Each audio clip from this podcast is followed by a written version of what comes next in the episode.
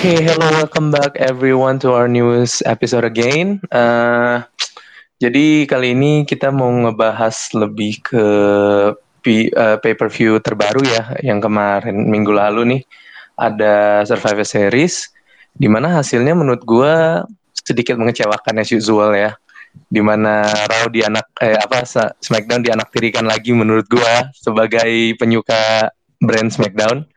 But ya yeah, let's just see aja sih hasilnya uh, biar langsung karena hari ini gue nggak bisa ngomong banyak langsung di tag aja nih sama Abi, Oka, sama Faldo. Silakan dimulai aja.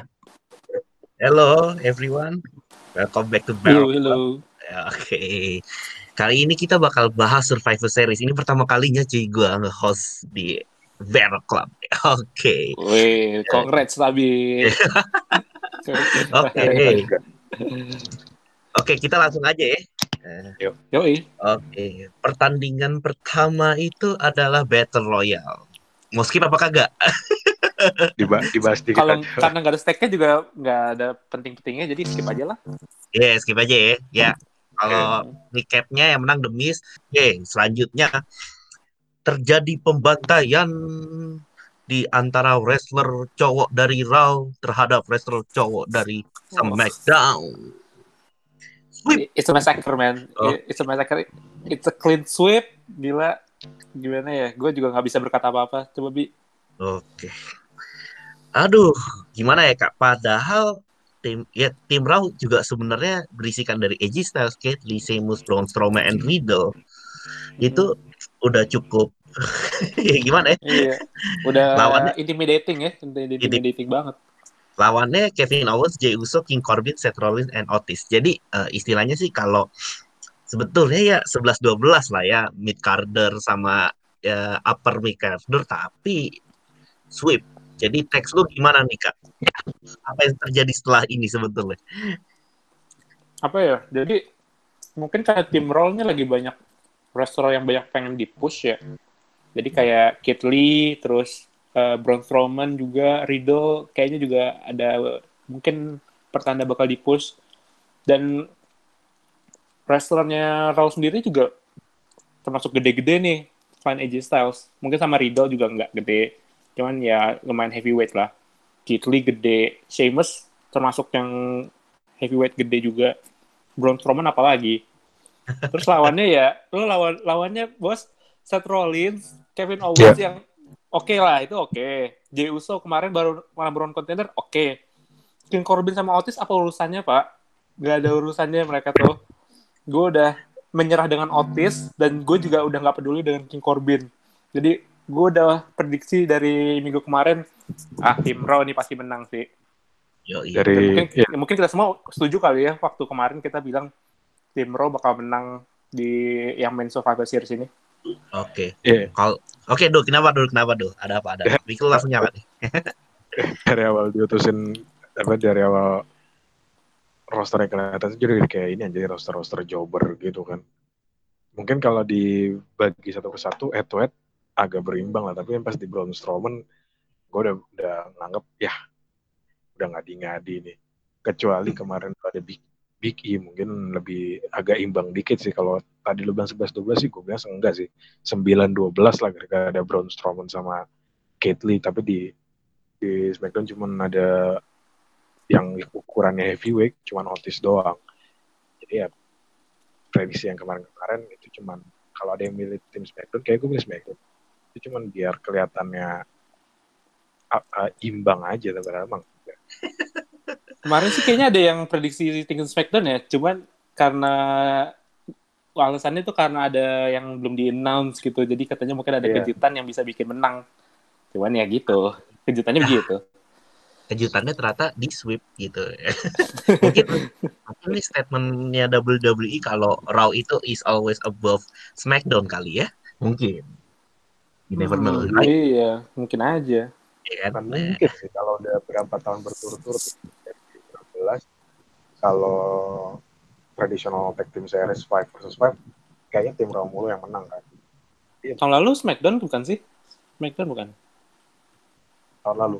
Tahun lalu kayaknya SmackDown deh. Itu tapi mungkin nah. karena ini karena mereka baru aja pindah ke Fox kan. Jadi buat Iya. naikin Ah. rating di situ. Lalu Ah. Kalau udah sekarang kayak udah ya udahlah udah di Fox udah Berarti- dapat duit banyak gitu ya. Ya, berarti sejak split A brand split ini kan lima tahun berarti udah lima pertandingan tag team series skornya 4-1 kan jadi ya ya emang Vince masih tetap lebih milih Raw lah daripada SmackDown Oke. Ya, kita move on aja lah dari massacre dari tim Raw terhadap tim SmackDown. Kita pindah ke eh peraduan antara SmackDown Tag Team Champions yaitu Street Profits versus Raw Tag Team Champions The New Day. Kalau Bleacher Report bilang ini matchnya grade-nya A loh. Hmm. Jadi gimana teks dari Valdo dan Barokah?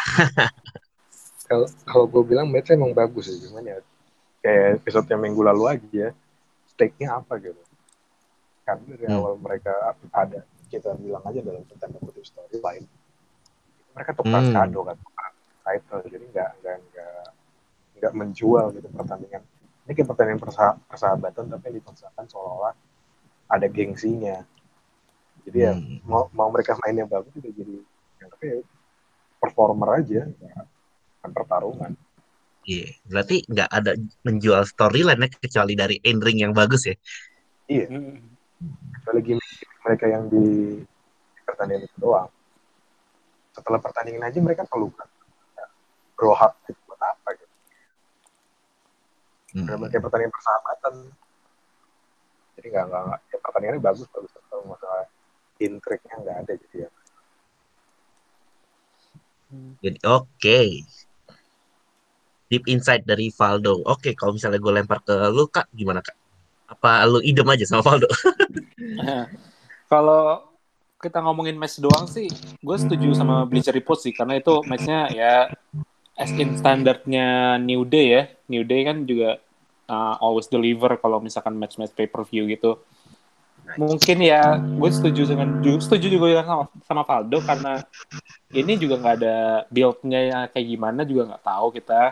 Habis Hmm. itu eh, ibarat kata kalau main bola ini kayak Barcelona lawan Real Madrid zamannya Mourinho sama Pep tapi nggak ada stake-nya sama sekali kayak friendly match gitu oh ya jadi Kayak matchnya tuh bakal matchnya bakal bagus cuman ya Hmm. kayak matchnya ini untuk apa kita juga nggak tahu soalnya. international championship yang main di Amerika gitu ya yang di Iya.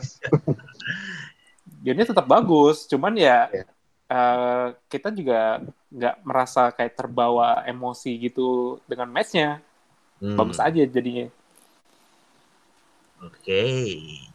Padahal sayang ya kalau misalnya ada storyline dikit aja, mungkin bakal seru kali matchnya. Tapi ya karena ya sebagai hiburan intinya mereka bagus, jadi ya oke lah. Kita move on ke selanjutnya yaitu Bobby Lashley versus Sami Zayn. Eh, agak lucu Ini- sih ini- karena karena Sami Zayn ini gimmick baru ya. Gimana Iya, gimana gimmick dong gimana? Dok? dia dia cerdik banget sih karena pas yang dia baru dia kan keluar pertama kan ke dia announce pertama baru biasanya keluar sama hard bisnisnya si Sami Zayn kaget dan lamputannya itu dia cari cara gimana dia apa menang disqualification. Dan itu kocak banget sih dia lari ke mana ke mana tapi di benar-benar ditutup sama uh, Sultan Benjamin, Cedric Alexander, MVP juga. Terakhir kan dia ini sengaja memples bukan mempleset kayak kayak nabrak badan dia ke MVP biar dibilang diskualifikasi tapi kan enggak matchnya keren sih meskipun gue udah yakin bakal untungnya nggak squash ya tapi kan sempat ada isu bakal squash Massacre pembantaian tapi Sami Zayn ngejual match juga dengan dia karena kalau dia menang nggak akan masuk akal sih dengan Mhm. empat lawan satu jadi dengan cara dia buat nyari menang cara disqualification keren Oke, gimana kak? Gimana kak? gue juga komentar gue kalau ini hampir sama kayak Aldo ya. Jadi eh, mungkin ini caranya Sami Zayn dan salah satu karakternya dia buat escape di match with the victory ya. Walaupun ya kemenangannya agak tercemar kalau misalkan kayak gitu. Tapi ya gimana ya karakternya Sami Zayn emang kayak gitu soalnya. Yang Oke. lari dari tantangan-tantangan gitu. ya dia he will try anything lah for win lah pokoknya Iya. Will do anything for the W lah. of the dub gitu aja nggak perlu itu qualification Gitu ya, maksudnya kayak kayak di apa namanya? eh lu pengen dapat menang tapi nggak ngeluarin keringat sedikit pun. Eh, Kalau lu ajar gitu kan.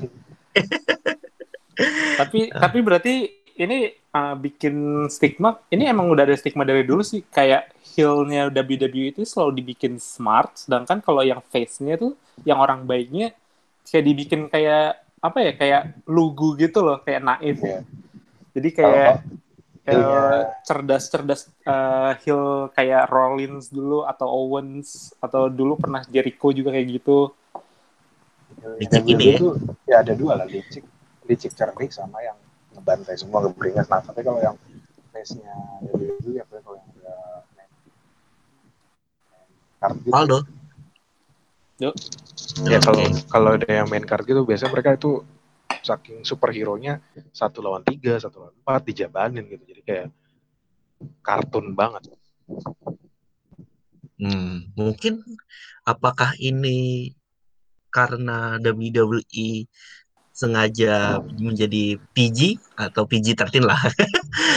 We never know lah ya. Makanya cerita apa eh, storyline-nya rada kelihatan childy gitu kan. Bukan udah lewat ya? Iya, udah lama sih. Oke. Em, selanjutnya ini ada Asuka versus Sasha Banks. Gimana gimana? Gimana? Oka dulu lah, Oka dulu lah. Oka dulu lah, Oka dulu. ya as expected lah dari Asuka sama Sasha Banks yang nggak pernah mengecewakan kita kalau masalah match. Ah, ini Sasha Banks yang menang ya, berarti Iya betul. Emang dia lagi di push push banget karena kemarin habis feud sama Bailey yang lagi hot hotnya, terus Sasha Banks menang. Sekarang yang pertanyaannya eh, siapa yang bakal lebih banyak momentum nyampe ke at least Royal Rumble deh, Royal Rumble dulu. Siapa yang Hmm. bakal momentumnya bakal gede tuh antara Sasha Banks sama Asuka dan kontendernya mungkin udah mulai kelihatan sih dari Raw sama SmackDown agak ada kelihatan kelihatan dikit. Kalau Raw mungkin antara Nia Jax, terus Shayna Baszler, Lana. maybe Lana tiba-tiba, nggak tahu Iya, ya. mungkin Lana sih, iya. Ya mungkin Lana. Habis itu kalau SmackDown ya Bailey juga masih Bianca. jadi contender, Bianca Belair ya kan, bener kata Valdo tuh. Carmela. Jadi Carmela. gue gue sih mungkin ngeliatnya kayak Carmela cuma buat sekali match doang di situ kayak dilupain. Hmm. Cuman ya nggak tahu sih eh, kreatifnya WWE gimana. Tapi overall sih matchnya tetap oke lah. As usual. as usual. Because both of them are delivers, right? Yoi. Yeah. Iya. Gimana dong? Ada mau tambahan dong? Asuka ngeliat, versus Sasha Eh, Banks. gua- Oke, kenapa deh? lebih ngebahas Asuka aja. Gue kalau ngeliat Asuka dia kalah kemarin, kayaknya emang udah kalau bisa dibilang kan lawannya udah habis kan. Dia dia selama uh, retain the title itu udah hampir ngalahin semua lah. Nia Jax juga bisa dikalahin meskipun dapat bantuan dari Mandy sama Nabrok. Hmm. Jadi kalau misalnya kan abis ini TLC kan ya. Kalau Oke. Iya. Iya. habis habis uh, Desember ini TLC dan kayaknya yang di push yang di push lagi yang di push sekarang tuh Lana kan jadi ya gue nggak kaget sih kalau nanti Lana Desembernya tuh Royal Rumble Januari nanti dia dapat gelar Us. Oh, ngomong kayak, iya Oke. Asuka kayak nggak akan nyampe WrestleMania sih kalau Sasha Banks masih mungkin Asuka kayak nggak Oke. Lu bilang Lana bakal jadi Raw Women's Champion Januari nanti. Uh. ya paling telat Januari lah kalau nggak. Desember ini Januari Oke, Set- jadi eh kom- sorry gue gue nanya nih Valdo setelah semua uh, beberapa kali Alana dimasukin ke announce table dia bakal jadi Raw Women's Champion iya kenapa Oh. enggak di ya dia, dia yang dengan dia menang Survivor Series kemarin dia punya punya hak buat ngeklaim apa istilahnya title contender jadi title Hmm. contender kan kan dia yang bikin oke. iya sih bener Lo- sih technically ya iya Oke, nah ini Valdo mungkin udah ngejelasin spoiler dikit. Ya, eh, five on five Traditional Survivor Series Raw versus SmackDown dimenangkan Raw karena Lana kebetulan ada di ring dan Nia Jax dan Bianca Belair ada di luar ring. Ten Iya. count out. Iya. Dia sebenarnya nggak nggak technically di, di, di ring ya sih di stepnya itulah. Oke. Masih Karena sisa di- satu.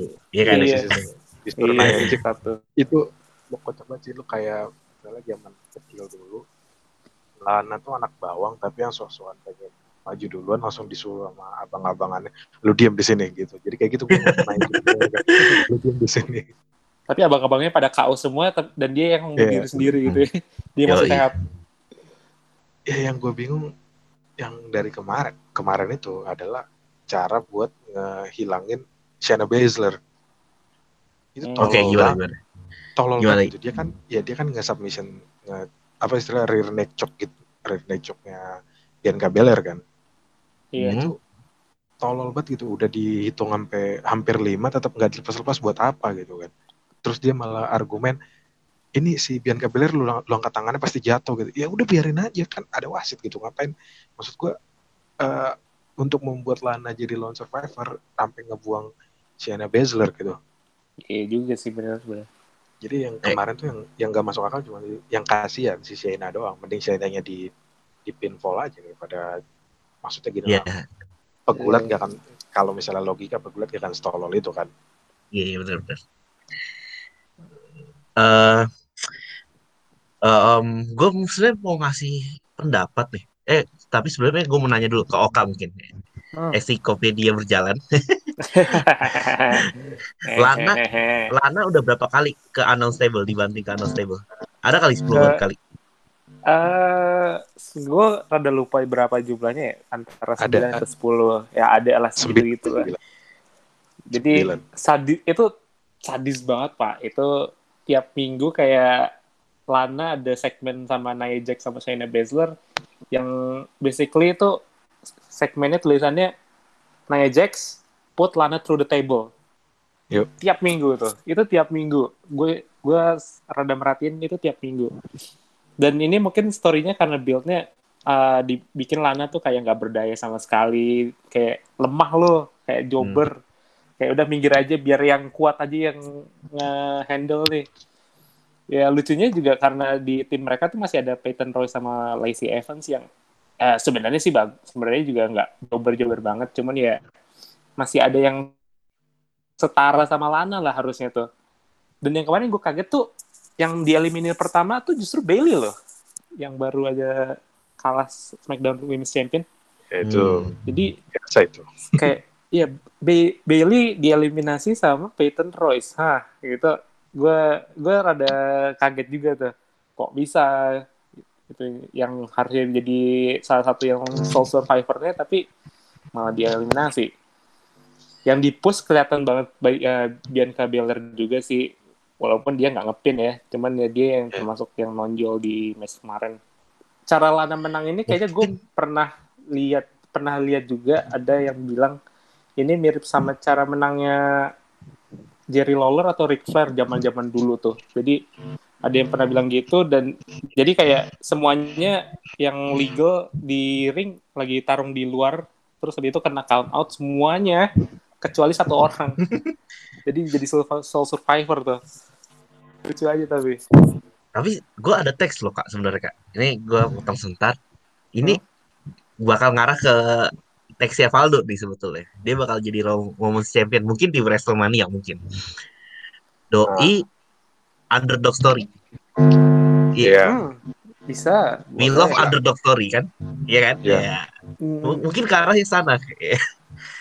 Mungkin tapi ke kita lupa sana. lupa satu orang yang kita uh, yang mungkin sekarang lagi nggak di TV tapi ada kemungkinan faktornya dia bisa ke Wrestlemania jadi entah contender atau malah jadi juara loh. Ada satu Siapa women wrestler. Becky Lynch. Enggak lah, itu masih lama men, setahun lagi dia. Cuti hamil, cuti melahirkan dulu. Ya hitungannya kan karena dia absen tuh bulan April ya, bulan April. Dan April, kemungkinan dia Januari Februari mungkin bisa udah bisa balik lah. Uh, hitungannya kalau misalkan pas dia announce itu kan dia udah berapa minggu dia Ini uh, kalau di kalau di Indonesia kan itu habis sebelum sebelum melahirkan cuti 30 hari, setelah melahirkan cuti 30 hari. Expect expect dia ah, lahir lahiran itu bulan ini. Eh kalau nggak salah cu- cuti sampai tiga bulan lah. Jadi itu sampai WrestleMania tahun depan tuh belum ada Becky Lynch. But Kalau after sih- WrestleMania, after WrestleMania Mungkin Raw, Raw after WrestleMania, tapi ya kalau kalau misalnya Becky Lynch kayak belum sih belum langsung di push. nggak dan langsung kayak match dulu- mungkin ya kalau return. Ya 2020 2021 kayak nggak akan ada Becky Lynch. Mungkin, mungkin. Gue gue mungkin mungkin si Valdo bener kali ya kalau Hmm. Becky Lynch bakal absen sepanjang 2021 mungkin atau eh, half ya kah? Ambil contoh Hmm. kayak kayak Maris. Maris baru berani ditampol pas Merl, eh, anaknya Monroe itu udah mau setahun. Baru dia berani ambil take a bump gitu di, di- kena hit gitu. Oke. Hmm. Hmm. Itu masih take a bump ya, apalagi kalau yang kayak Becky Lynch full time wrestle kayaknya mungkin satu tahun full lah absennya. Hmm. Ada sense, faktor X sense, iya. Ada faktor X kak. Lana Apa, bro? bisa Raw Women's Champion. Somehow dia bakal dapat pin dan wasit gak lihat di deki sama salah satu yang udah gak bak udah lama banget nggak muncul. Ronda Rousey. Nah, itu Ah.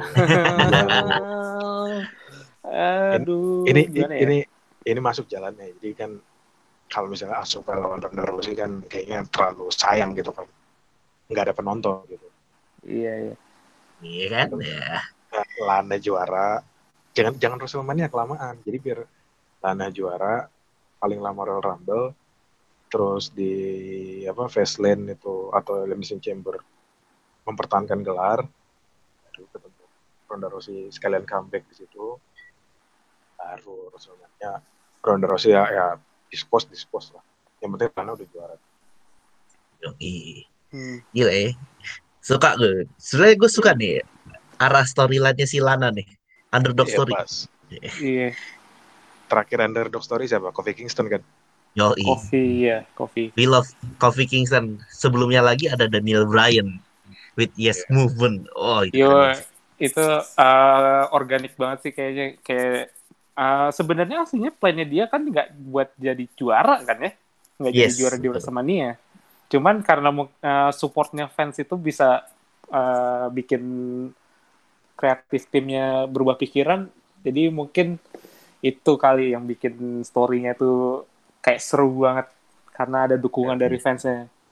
Ya anggaplah kayak gitu kan. Jadi makanya Lana dibanting terus ke meja komentator selama hampir tiga bulan kurang ini biar ngambil simpati fans dan kebetulan ya kalau yang gue lihat dari reaksi twi- twitternya WWE WWE Raw SmackDown dan lain sebagainya orang-orang udah mulai ya mungkin agak kebelah sih eh, antara yang kesel juga sama di antara ya masa gini sih cara lo ngehukum Lana karena suaminya pindah gitu Mm-mm. jadi ya sekarang udah dapat dukungannya, kebetulan streaknya juga udah selesai. Eh, 9-1 minggu kemarin batal, Lana buat dibanting lagi ke meja. Bat- batal kayak udah direncanain tapi ya nggak usah kasihan Iya. Ya kan emang direncanakan Nia Jax kan. Ini kayak kalau ada Lana muncul banting aja lah.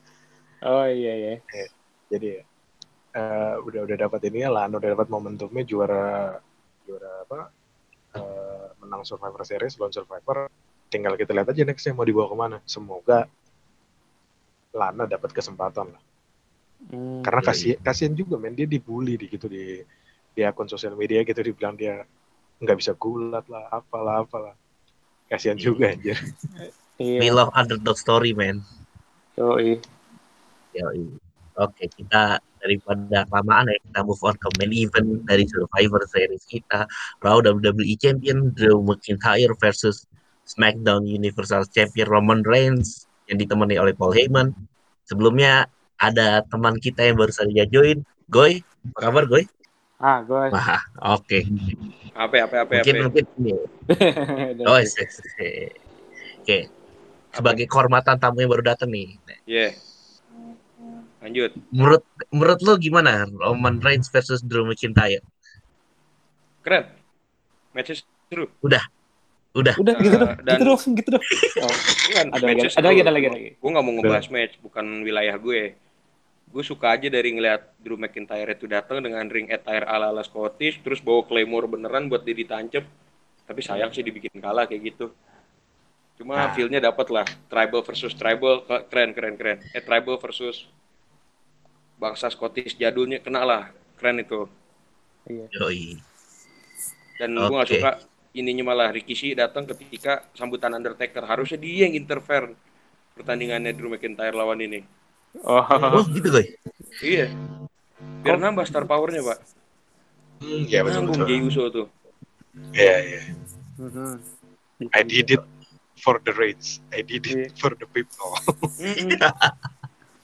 I did it for the family kan. Oke, I did it for the family. Iya, iya. Oke, gimana? gi- tapi gimana kak? Kalau menurut lu gimana nih?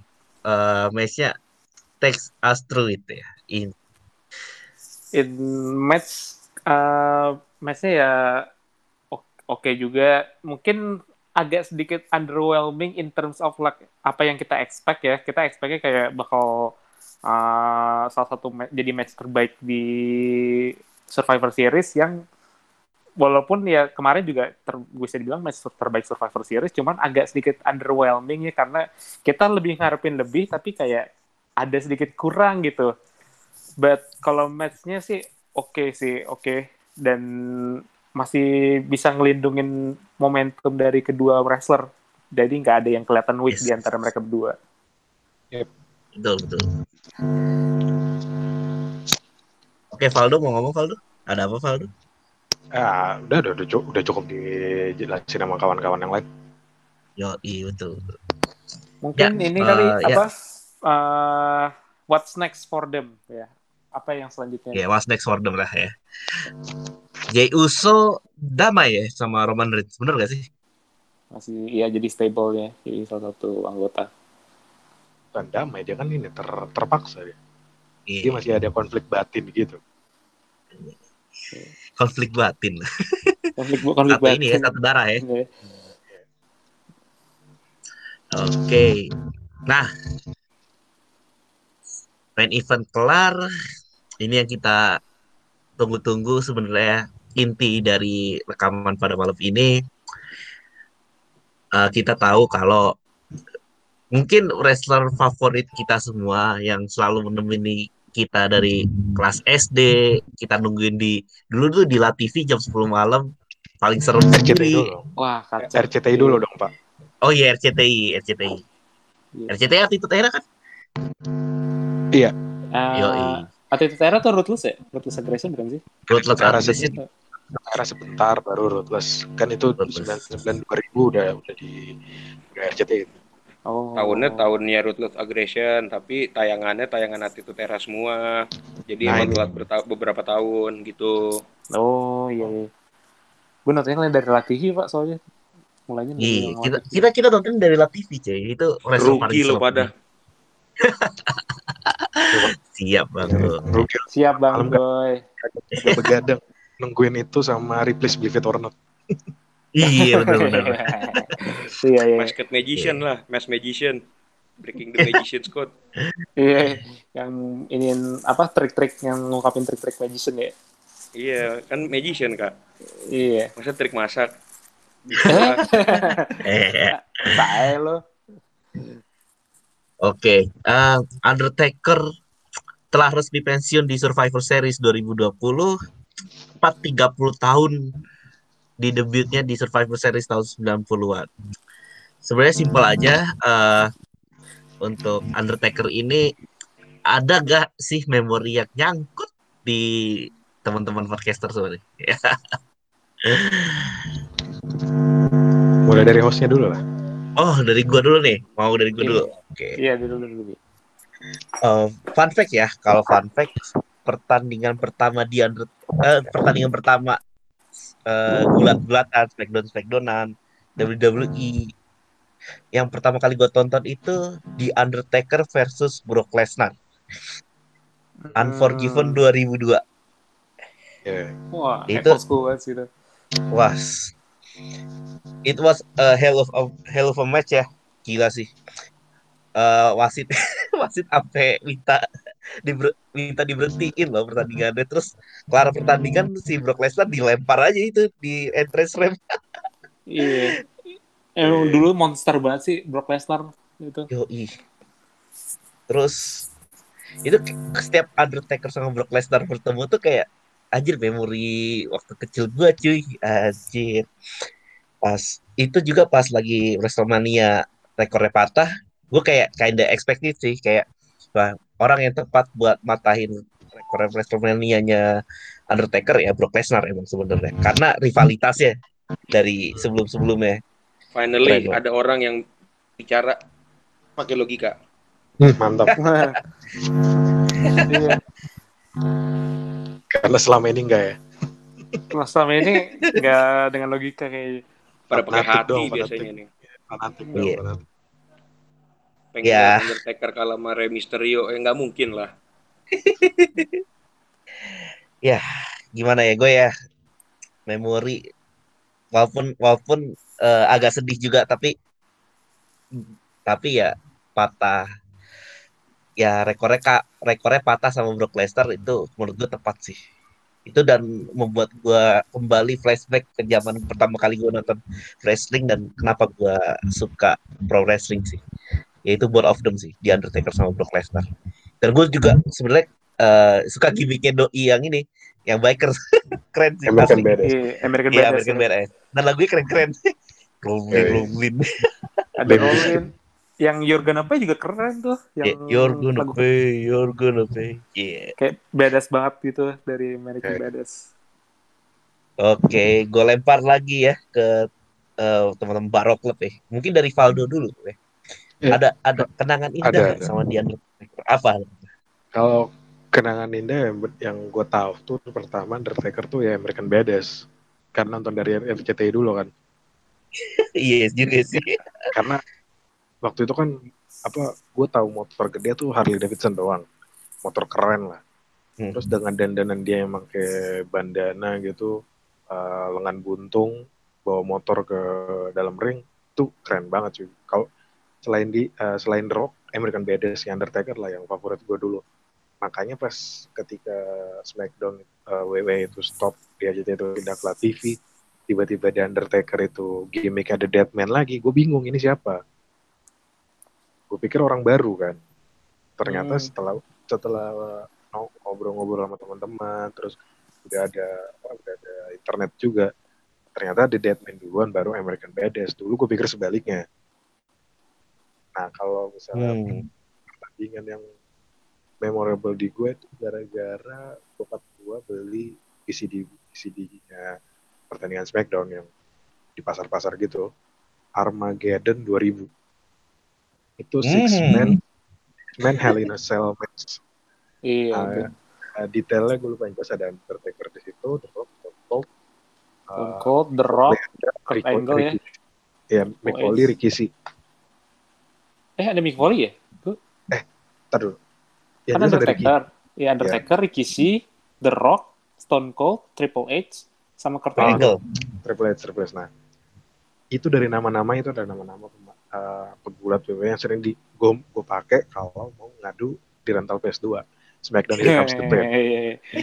Terus Iya. ada- kan ada fiturnya yang ini juga kan apa bro at backstage gitu kan. Itu kan ada mo- motornya uh, Undertaker yang nganggur di situ bisa dipakai buat ngider-ngider, nabrak-nabrakin orang. Jadi ya kalau untuk memori gue sama Undertaker uh, American Badass. Cuman kalau untuk pertandingan paling mantep dia pertandingan kedua, kedua dia, kedua di WrestleMania lawan Shawn Michaels Ush. yang Hmm. karir strict karir versus Trick. Itu Yoi. gila sih. Itu keren sih. Bintang 5 gitu. kalau menurut gue di situ yang nge-carry match Shawn Michael karena entah kenapa di tahun itu Undertaker melambat makin gendut kan udah udah buncit dia kan makanya dia pakai apa itunya kaosnya sampai dibikin ke perut gitu biar nggak terlalu kelihatan Hmm.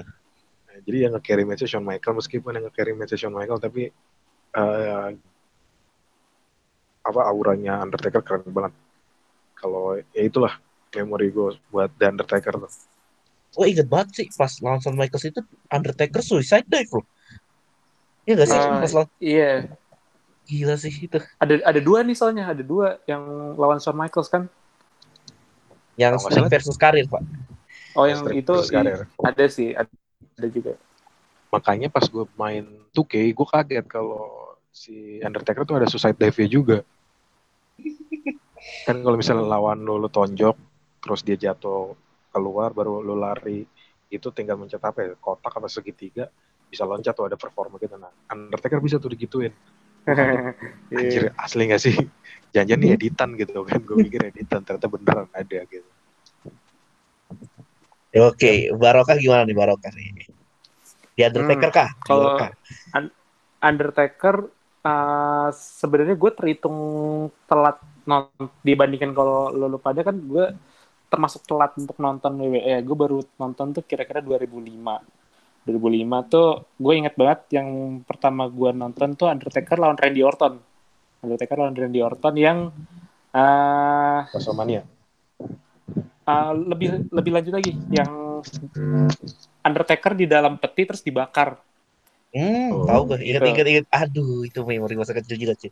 Dan juga gue uh, nonton yang Survivor Series itu yang 2005 yang Randy Orton jadi Soul Survivor terus habis itu datang Undertaker itu itu paling keinget banget gue cuy.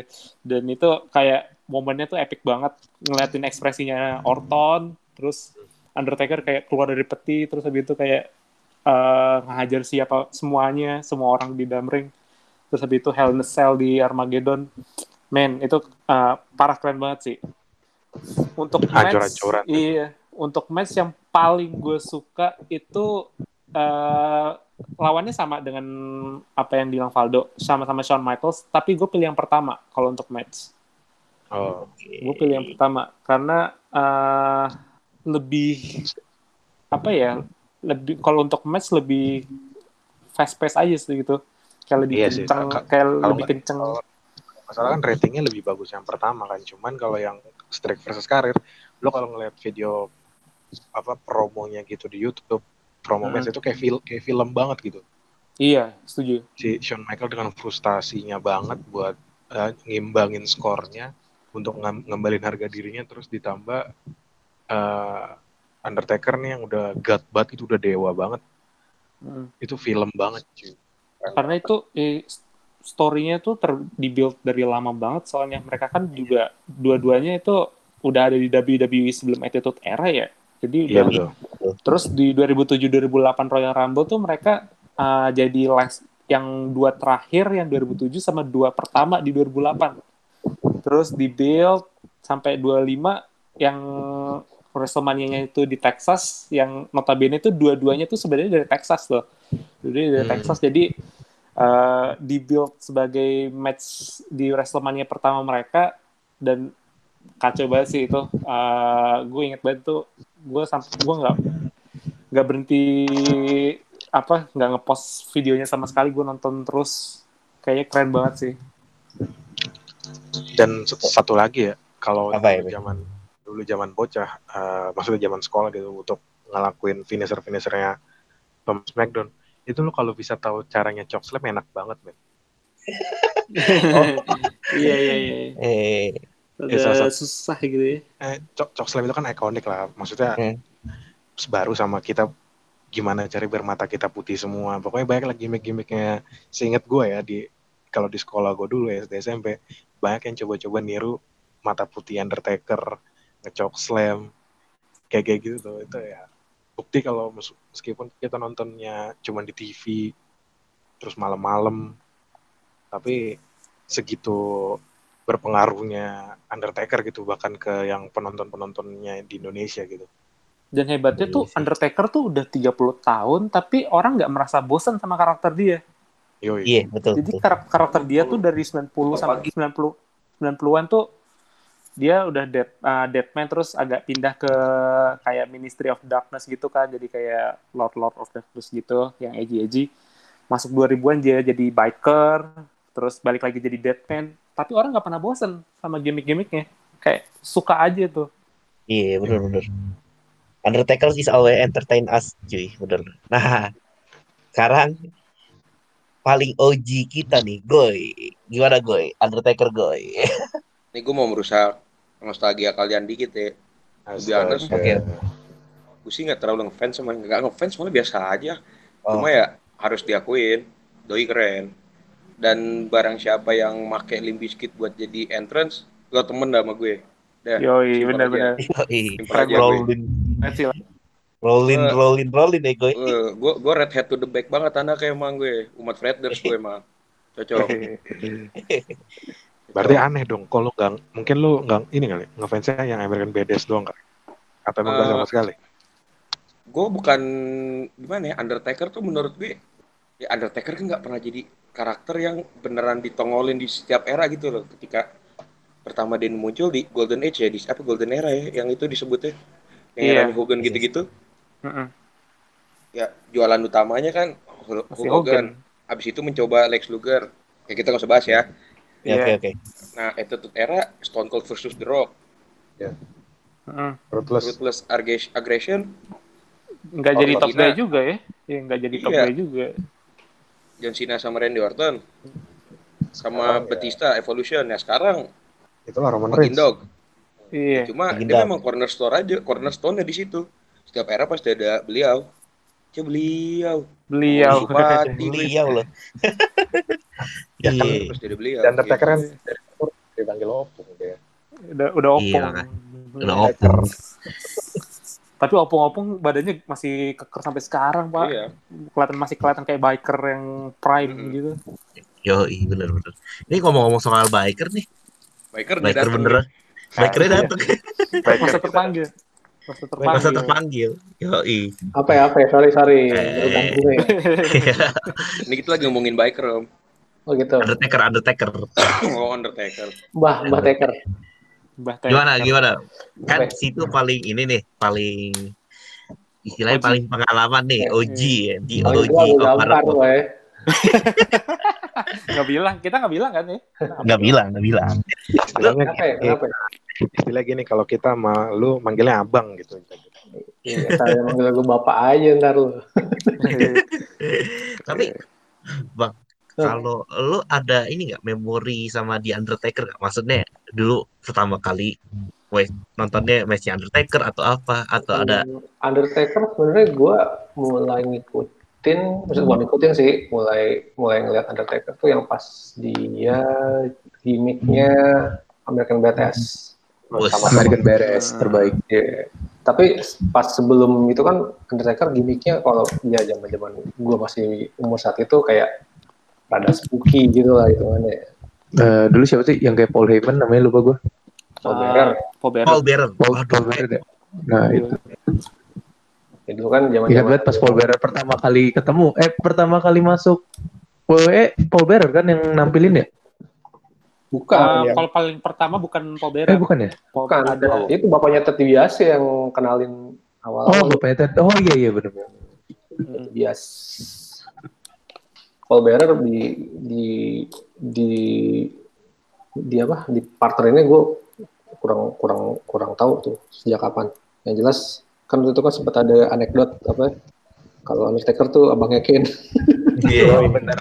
kita dulu percaya kita dulu percaya kalau Undertaker tuh sama iya kita. dan saat itu semua orang Ya percaya dulu anjir dulu. zaman dulu kan belum ada belum ada medsos kayfabe masih tapi- masih kental Tapi dulu kita tuh masih pada kecil, us. Lu dong yang udah SMA kuliah, us. ya kagak lah gue nggak nggak nggak nggak kuliah juga gila sebelum berapa ya gue ya tapi ya serius. Dulu dulu dulu gue pernah percaya eh, momen paling keren kan yang itu yang eh uh, Buried Alive tuh yang Undertaker hidup lagi. Gue pernah percaya anjing Undertaker ini zombie bangsat. zaman dulu ya makanya zaman dulu kan hitungannya kayak kayfabe kan hitungannya benar-benar dijaga kan hitungannya sekarang kan udah nggak ada kayfabe pak Iya. Iya. ya sekarang lu percaya gitu iya. si ini sama si itu beneran musuh kan kagak dulu percaya percaya aja ya Iya. Iya, percaya gitu. Gue gue sempat percaya kalau Paul Bearer tuh bapaknya Undertaker makin ya. Hmm. Lebih lucu lagi aja. Tapi hebatnya tuh dua Undertaker tuh kan karakternya karakter yang nggak real ya, yang nggak real kayak zombie atau kayak dead orang mati gitu kan. Tapi sampai dua ri- sampai masuk ke zaman-zaman media sosial gitu orang kayak nggak merasa kayak dibohongin sama karakternya. Undertaker loh. Kayak hebat masih sampai sekarang orang masih inget oh ah, Undertaker ya ah, bukan Deadman tapi kita biarin aja gitu. Nggak kayak ah nggak real nih gimmicknya ah nggak realistis. Kan biasanya kan gitu kalau gimmick-gimmick yang rada-rada cheesy kayak gimmick-gimmick ini kan. Komik-komik banget. Hmm. Itu karakter jaga banget sih Morphins. Ya itu kan bikinan dia. Bang. Iya, makanya. Ya, ya dia kan sampai bikin streak Undertaker gitu kan di WM. Ya, Iya. ya, ya yang paling Iya sih. tertua ya Vince McMahon. Iya. Tapi keren sih loh sih. Dan hampir bapak- semua bapak fans kalau- wrestling. Lanjut tuh. Sorry. Duluan nih duluan. Nama nama guys, nama guys, nama guys. Enggak, jadi gue mau nimpalin yang kayak Oka bilang tadi kan. Buat memperjelas aja. Jadi kenapa eh, orang nggak pernah mengusik gimmick open kita tahu itu nggak real lah kali beneran hidup mati lagi mati hidup lagi kayak di Hidayah kan. Cuma Iya, iya. itu karena karena satu yang gue bilang tadi di cornerstone dan dua semua orang yang bilang wrestling is fake bla bla bla cret pada awal tuh sebenarnya nonton wrestling dan nggak mungkin mereka nggak tahu Undertaker dan nggak mungkin mereka role model itu bukan Undertaker pas masih kecil bos Iya, iya. nggak mungkin mereka menjelek-jelekan ngata-ngatain childhood hero mereka gitu aja sih Iya benar. Sama satu lagi yang karena Agoy Bobo Hidayah sempat pada percaya kan Undertaker pindah agama. nggak gue percaya waktu itu Jeff Hardy meninggal pak Oh itu itu heboh tuh. itu kacau sih. Anjir. Itu Jafari meninggal pas lagi latihan, palanya pot, apa palanya patah. nah itu itu, itu yang ramai itu Hardy meninggal yang sekarang palsu itu ramai itu Wah, aneh-aneh juga sih itu dulu zaman dulu. Banyak lagi yang isu-isu aneh ya karena zaman dulu balik lagi berita soal wrestling kan sangat-sangat terbatas gitu kan. Iya, apalagi gak ada internetnya zaman-zaman dulu ya, anjir itu. Internet ada, cuma gede. barang-barang mewah aja internet dulu kan. Eh. Gila sih. Masih belum umum. Kocak dah. Aduh, gua kangen banget sih. Sekarang- 30 tahun ya. Gua gua nggak tahu sih tuh kalau Hmm. jangan sampai jangan sampai dia balik lagi aja udah, udah pensiun pensiun dah. Iya, Iya. udah, udah udah ada. Michael Mo- Michelle McCool kan ditemenin di rumah. Iya, Cuman, Iya. Ya, waktu itu kan cuman si- ada bilang pensiun, pokoknya balik lagi pas event-event Arab, kan males gue. ah, enggak cuman ada isu katanya Ah. yang yang itu yang pensiun itu The Dead Man. American Badass-nya belum. Bodo amat dah. Nah, eh, lu jangan merusak momen lah, do. Kita masih mencoba. Iya, gue juga, gue juga nggak pengen. Maksud gue Iya. ngapain? Gitu kakek-kakek. Iya, Sebenarnya nggak nggak mungkin sih di dalam WWE Universe bisa aja semua terjadi. bawa, bawa motor Selama ada gitu. selama ada duit kan, selama ada duit iya. tetap aja dijabanin. Ya ini aja kan kayak dipaksa-paksa kan, kayak dibikin 30 tahun dulu kan. Udahlah Iya sih. 30 tahun, biar momennya pas. Michael bisa comeback dibikin. Hah? Yang Michael bisa comeback di bulan Iya, lagi. comeback. So, Michael aja Iya. bisa comeback dari 8 tahun. Udah opung-opung juga seumuran so- Undertaker. Tapi duit Arab nggak berbohong. soalnya. Ric Flair apa kabar bos Ric Flair 60-an masih wrestle sampai berdarah-darah di sampai kulitnya udah misa dari dagingnya masih main aja Udah kayak kerupuk. Iya. iya udah ngondoy-ngondoy nggak bisa kencang badannya masih aktif aja tuh udah pensiun lagi Udah pensiun sekarang Ric Flair mah. Suruh tanding lagi kumat anjir. Dia, dia suruh promo aja ngomongnya ngomongnya kayak orang Al- apa Alzheimer. Dia udah mulai banyak udah mulai, dibanting udah mulai tua gitu, udah mulai ya kan tuanya tuh drastis gitu dari yang cuma rambut putih sekarang udah bener kayak aki-aki gitu udah. Ah, kalau kita ngomongin Undertaker sama zaman dulu gak ada habis-habisnya ya. Gak ada. Ya, eh, bener ya. Ya, Paling eh, kayak ngomongin ya? Oka nggak ada habisnya dibawa lagi. Tapi nggak tahu ya kalau selain selain Undertaker sebenarnya yang karakter ikonik mah yang belum yang hitungan masih bisa yang masih bisa aktif lagi ya The Rock, John Cena. Nah itu Hmm, masih bisa lah itu. Ya sebenarnya yang yang yang paling masih aktif ya Randy Orton kan. Batista juga masih bisa, tapi ya dia ngerasa film lebih menguntungkan. Sama iya kan dia kan juga kesel bookingannya kurang lah pas dia dia, dia comeback gitu. dan special Undertaker tuh di setiap era ada era dan era gue kan udah era uh, perpuluhan Wah, aku sih ini suara kayak alien. Alien suara lu. lo kok nyeret kak? Mabok lo ya? Karena mabok lo ya, ngaku gue kok mic gue yang rusak bukan Agoy biasanya Agoy yang mic rusak. Lah, Lu gue apa pakai jadi mic? Gimana mic-nya rusak? Tuh? Oh, kan tuh. Eh, eh. Udah, udah, udah. Eh, Ini lagi- sama sama eh, i, a, u, eh. Kontrak kontrak MC kita gimana nih MC? Oke, apa balikin lagi ke Kenta dah. Ini eh, pokoknya intinya semoga Undertaker sudah pensiun. Ya, Semoga Best of luck lah. lagi. jangan balik lagi dah, udah. Kita sudah dapat uang cukup. pensiunan gak ya kira-kira? Ya dapat lah. Masih Iya, ada jalan merch. Dapat uang kerohiman gue. Apaan? Apaan? Uang, uang kerohiman. Oke. Biasanya kan dapat pensiunan sama anak ditanggung dua tuh. Tapi ya, Jahat ya, jahat ya. karena, karena gue pelatih kan ya, gue cuma mau bilang thank you Undertaker buat memorinya. Mm-mm. Gila sih. Gue gak bakal lupa tuh, lupa maksudnya era-era Brother Brother of Destruction zaman dulu tuh keren banget itu. Betul. Gue gak bakal gue gak bakal lupa pertandingan pro wrestling pertama yang gue tonton. Unforgiven 2002. Hell of a match, man. Tapi ya walaupun suka kesel ya kalau lagi WrestleMania, entrance dia bisa 20 menit sendiri. Iya. Iya.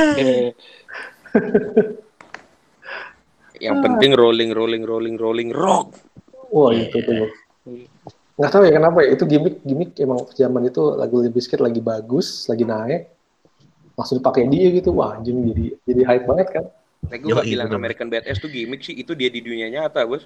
Iya ngerti gue, cuma kan Iya. itu jadi gimmick. Hmm. Jadi Iya, dapat maksudnya- lah penjiwaannya lebih dapat lah daripada Iya, jadi jadi orang mati gitu, kan. kayak kayak dia Undertaker satu kan waktu itu di, di orang kalangan Indonesia kan nggak nggak begitu apa ya nggak begitu difavoritin gitu kan begitu pas lagu Biscuit kan langsung orang wah udah tahu Undertaker Iya. Undertaker gitu kan Emang itu udah terbaik lah American Badass tuh. iya dulu udah gitu di Sisumel di Sisumel ya kan sekarang begitu ada rolling rolling langsung Tapi, tapi gue menganggap itu gimmick berhasil ya karena itu sih ya. Dia bawaannya dia Iya. sendiri, dia lebih paham, dia mengerti banget lah gimana jadi seorang bikers yang ala-ala begitu tuh yang serem-serem di Amerika tuh yang kayak di musuh-musuhnya 21 Jump Street. Mereka kan kalau Iya, Matt, selain selain mana ada yang pernah ngerasain jadi orang mati sih? Big Evil ya satu lagi ya Siapa? Iya, Big Evil. Tapi ya Big Evil. 11-12 sama American Badass. iya Motor-motoran juga. Oke. Gila. Ya kalau kita bahas eh apa yang kita bisa ingat dari The Undertaker, memori-memori kita, apa pun itu, nggak akan akan ada habisnya. Eh, ini Bisa tadi gitu semalaman. udah, udah ya, Bang Rohman belum udah ya Tadi udah, tadi udah. udah ya ah Udah. gue Udah Bang Roman lagi ngaji om.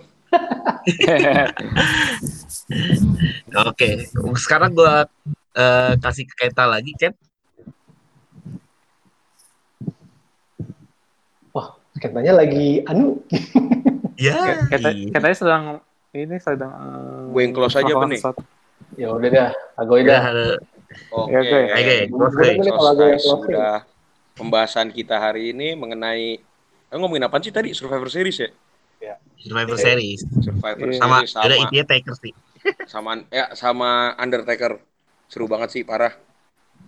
Oke, buat kalian nanti setelah podcast ini dirilis dan sudah mendengar dan mau mengirimkan kritik dan saran atau topik-topik atau mau diskusi bareng bisa banget. Caranya gampang. Gimana Kak caranya Kak?